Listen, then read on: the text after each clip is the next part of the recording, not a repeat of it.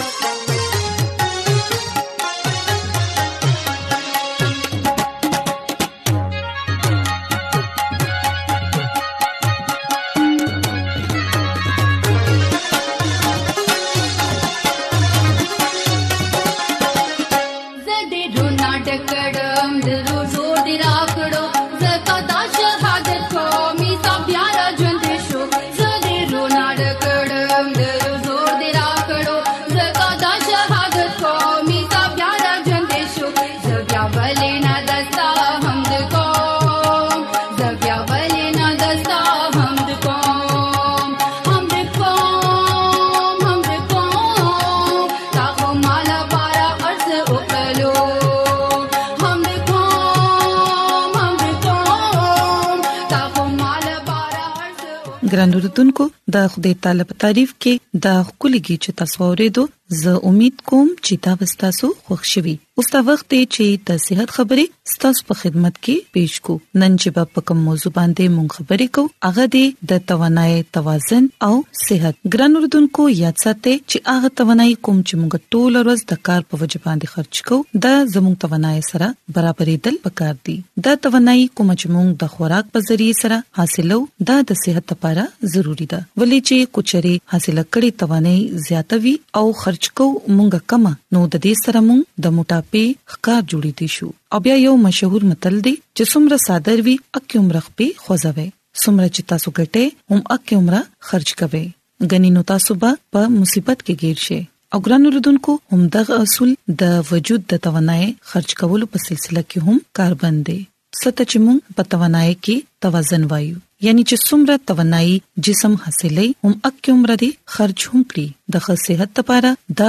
توازن قائم ساتل ډېر ضروری دي یعنی په جسم کې چې څومره توانایي موجوده وي هغه برابر وي او د دې توانایي چې څومره زموږ جسم استعمالي د جسم د لپاره حاصله کړي توانایي هم دغه توانایي ده کوم چې موږ د غذا په ذریعه سره حاصلو موږ ته پکار دي چې دا موږ خرج هم کړو یعنی دا موږ استعمال هم کړو ترڅو موږ د یو ښه صحت مالک جوړ شو او د توانایي حاصلولو لپاره موږ ته متوازن غذا استعمال کول پکار دي ولې چې زموږ د صحت لپاره توانایي ډیره ضروری ده او چې کله موږ ښه غذا استعمالو او داغې نه توانایي هم حاصلو نو بیا هغه توانایي خرج کول هم پکار دي غنینو بیا به دا توانایي د واس کې په شکل کې زموږ په جسم کې جمع شي او بیا به زموږ وزن سیوا کېده شروع شي د دې نه علاوه که چېرې حاصله کړې توانایي کمه وي او استعماله شوې توانایي زیاته وي نو بیا جسم کمزوری شي او د دې سره د انسان وزن کمېده شروع شي او انسان د مختلفو بیماریانو ښکار جوړ شي نو د ښه صحت نښه دا ده چې کومه توانایي د خوراک په ذریعه حاصله کړې موږ هم هغه توانایي موږ د روز په کارونو کې استعمال هم کړو ګران اردوونکو موږ ګورو چې کچري موږ سکار نه کوو څنګه چې موږ اوده یو هغه وخت هم د جسم توانایي خرج کیږي سا اغستل د چجو کار کول دغه شان دویمه استعمالېدو والا توانایي هغه ده کوم چې د خوراک په استعمالولو کې پکاروي دا توانایي د ټولو نه کموي مثلا د یو مزدور استعمالي دوه ولا توانایي د هغه کس په نسبت ډیره زیاته وي کوم چې په دفتر کې پناست باندې کار کوي اوس دلته کې دا خبره واضح شي چې د خوراک هضمولو لپاره چې کومه توانایي پکار ده هغه مونږه کمولې یا زیاتولې شو نو ګران اوردونکو هغه توانایي خرج کولو لپاره مونږ ته کار کول پکار دي ورزش کول پکار دي او د ورزش هم ډیر زیات قسمونه دي یعنی پیاده ګرځید سایکل چلول باغبانی کول او بیا خپل ځان ټول ورځ مصروف ساتل یاد ساتئ کو چېرې د یو کس د منډې رفتار کم یا زیات شي نو بیا به دا توانایي سیوا کېدی شي یا کمېدی شي. عامې طریقې سره د ګرځېدو والا کس توانایي هم خرج کېږي. په هر کار کې مختلف توانایي خرج کېږي او د دې انحصار په دې خبره باندې دی چې هغه کس په یو کار کې څومره ستړی شي. په پوڼو باندې خطه د ټولو نه زیاته توانایي خرج کېږي. او په ټي وي کتو کې د ټولو نه زیاته کمه خرج کیږي د دې ټول معلومات نه دا نتیجه روزي چې کوچر یو کس متوازن غذا خوري نو داغه جسم ته زیاته توانایي ملاويږي نو بیا موږ ته د خپل دروز معمولات دا شان ترتیب ورکول پکار دي چې کوچر موږ د ښه غذا استعمال لګیا یو کو نو بیا پکار دي چې داسې کارونه هم کو چې توانایي زیاته خرج شي ګران اوریدونکو موږ ګورو چې په ترقی یافته ملکونو کې خلک د وړو فاصلو طی کولو لپاره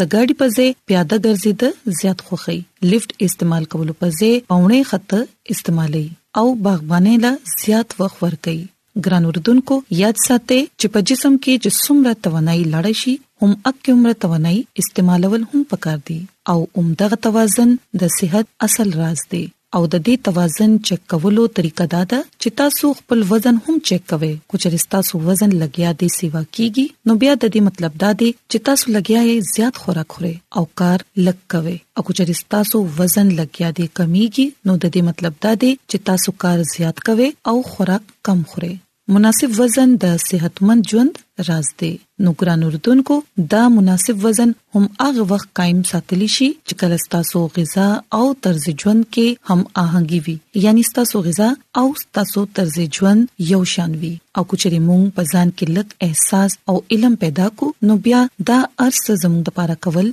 سګران کار نه دی نو ګران اوردونکو زه امید کوم چې زموږ نننې خبرې به تاسو خوښی شي او تاسو به د زده کړې چې کچاري موږ د یو صحتمند شخصیت مالک جوړېدل غواړو او په خپل وزن باندې काबू اچول غواړو او موږ دا غواړو چې موږ د سمارټ ښکارو نو بیا موږ ته پکار دي چې د خپل غذا خاص تور باندې خیال ساتو او پکار دی چې څومره توانایي موږ حاصلو هم اک عمره استعمالو دي ترڅو موږ دې د یو ښه شخصیت مالک جوړ شو نو ګران اوردونکو زموږ د دعا ده چې خدای تعالی دې تاسو سره وي او تاسو چې هر چرته خدای تعالی دې تاسو مدد او رهنمایي وکړي نورازه چې اوس د خدای تعالی په تعریف کې یو کلیګي وورو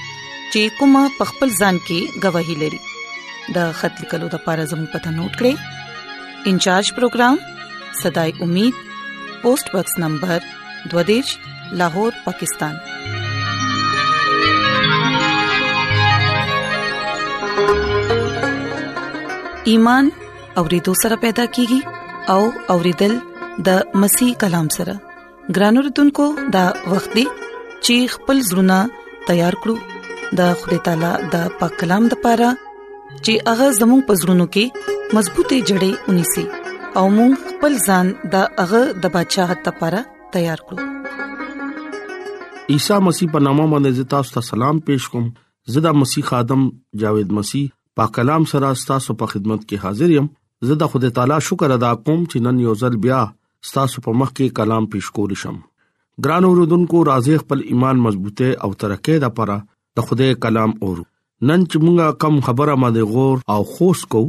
هغه د خدای مقدس نن چې کم خبره موږ غور کو هغه د خدای مقدس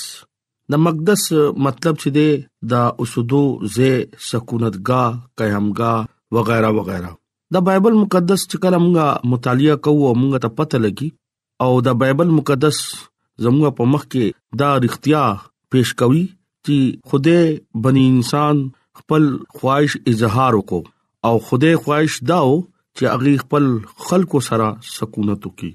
خدای تعالی خپل خلکو سره سکونت کول غواړي ګران اوردونکو کائنات د خالق ټولو نه غټ خواهش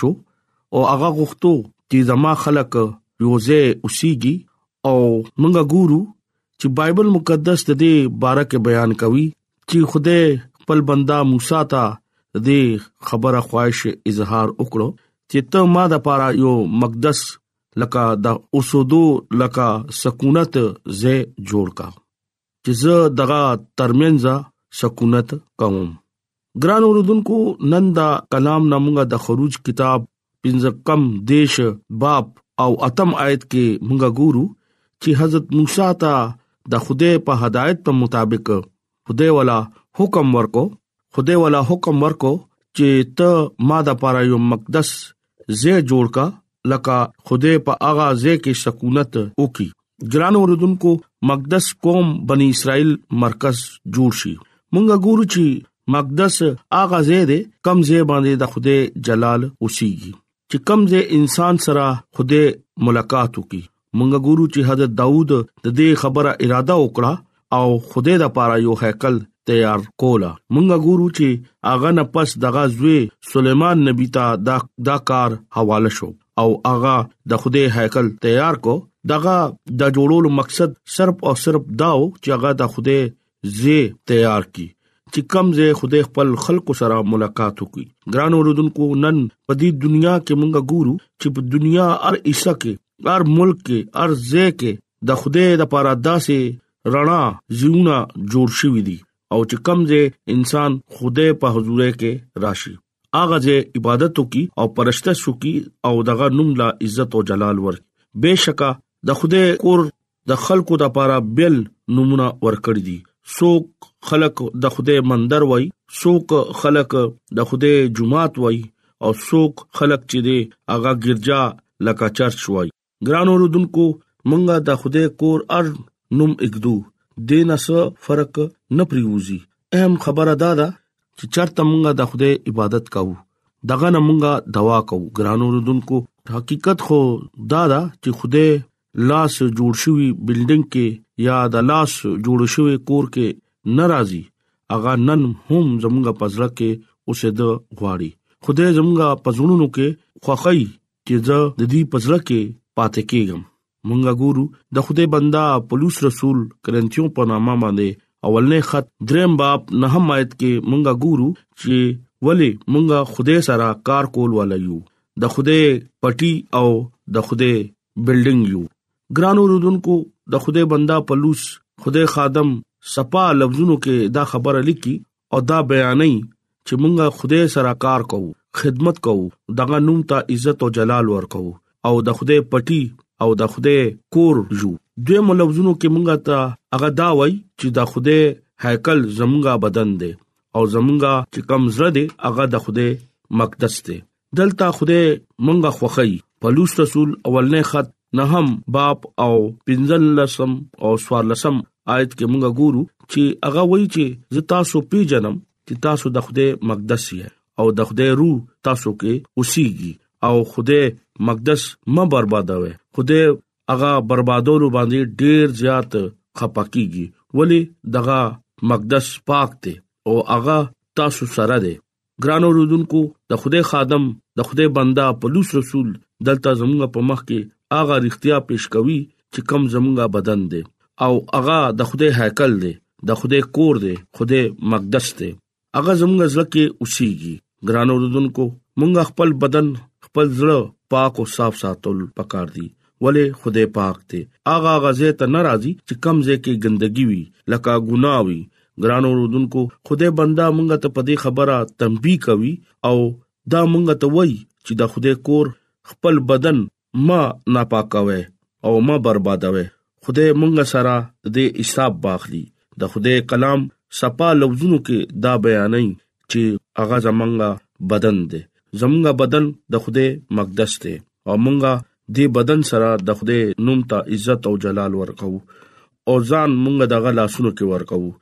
او هغه زمونږه قدرت او زمونږه ژوند باندې ظاهروي ګران اوردونکو پلوص رسول اولنې خط د کرنتیو پنامه شپږم باب او یو کم شلایت کې غدا وای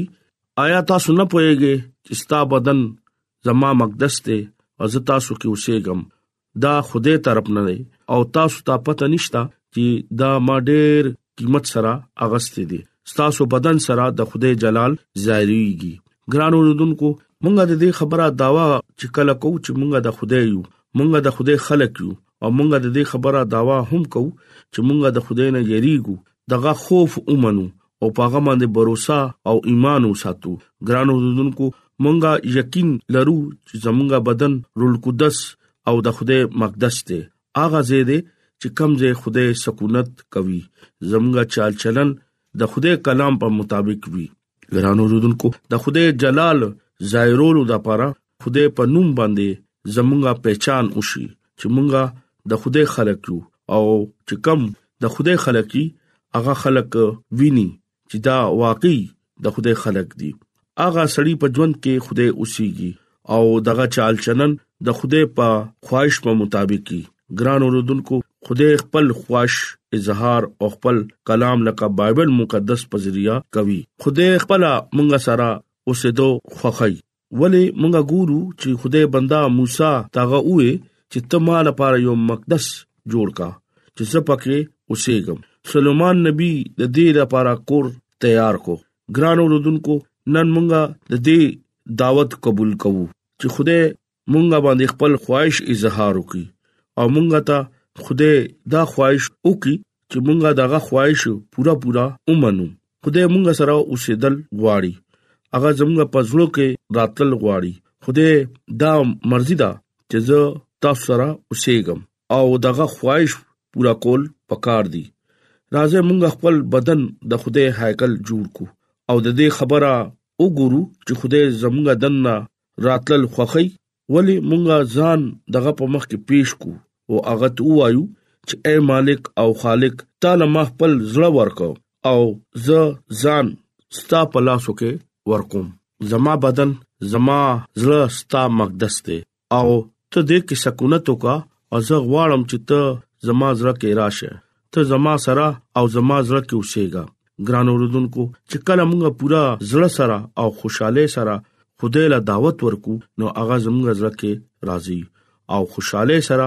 دې دعوت ته قبول کوي راځي ټول نو مخ کې د دې خبره د پاره د خدای شکر ادا کوو چې هغه موږ سره اوسېدل خوخی او هغه دا غواړي چې زه تاسو په ځل کې اوسېږم نن تاسو خپل زړه د خدای د پاره کلاو کې او همیشه دا خبره یاد ولرئ چې چا زړه او خپل ژوند خدای لا ورکو اغه ژوند اغه زړه او اغه بدن د خدای هیکل دی او خدای مقدس دی چې کمزه خوده اوسيږي ولې چې هغه کې د خوده جلال ظاهر کیږي هغه د خوده ژوند او د خوده په حضور باندې باسه برکت شي راځي ګران اوردونکو نن مونږه دا پکار دي چې خوده ته مونږ نن دعوت ورکو چې نن هغه راشي او مونږه لا خدای برکت ورکړي نن د کلام په وسیله باندې خدای ټول لا او مونږ لا برکت ورکړي امين راځي چې دعا وغوړو اے زمونږ خدای مونږ ستاسو شکر گزار یو چې ستاسو د بندا په وجه باندې ستاسو په کلام مونږ وورېدو مونږ لا توفيق راکړي چې مونږ دا کلام په خپل زړونو کې وساتو او وفادار سره ستاسو حکمونه ومنو او خپل ځان ستاسو د بدشاهت لپاره تیار کړو زه د خپل ټولو ګران وردونکو لپاره دعا کوم کو چې پاغوي کې سګ بيمار وي پریشان وي یا په سمصيبت کې وي دا غوي ټول مشکلات لری کړی د هر څه د عیسی المسی پنامه باندې وړم امين ایڈونچر ورلد رادیو لړغا پروگرام صداي امید تاسو اورئ راځي د خدای تعالی په تعریف کې یوبل गीत وورئ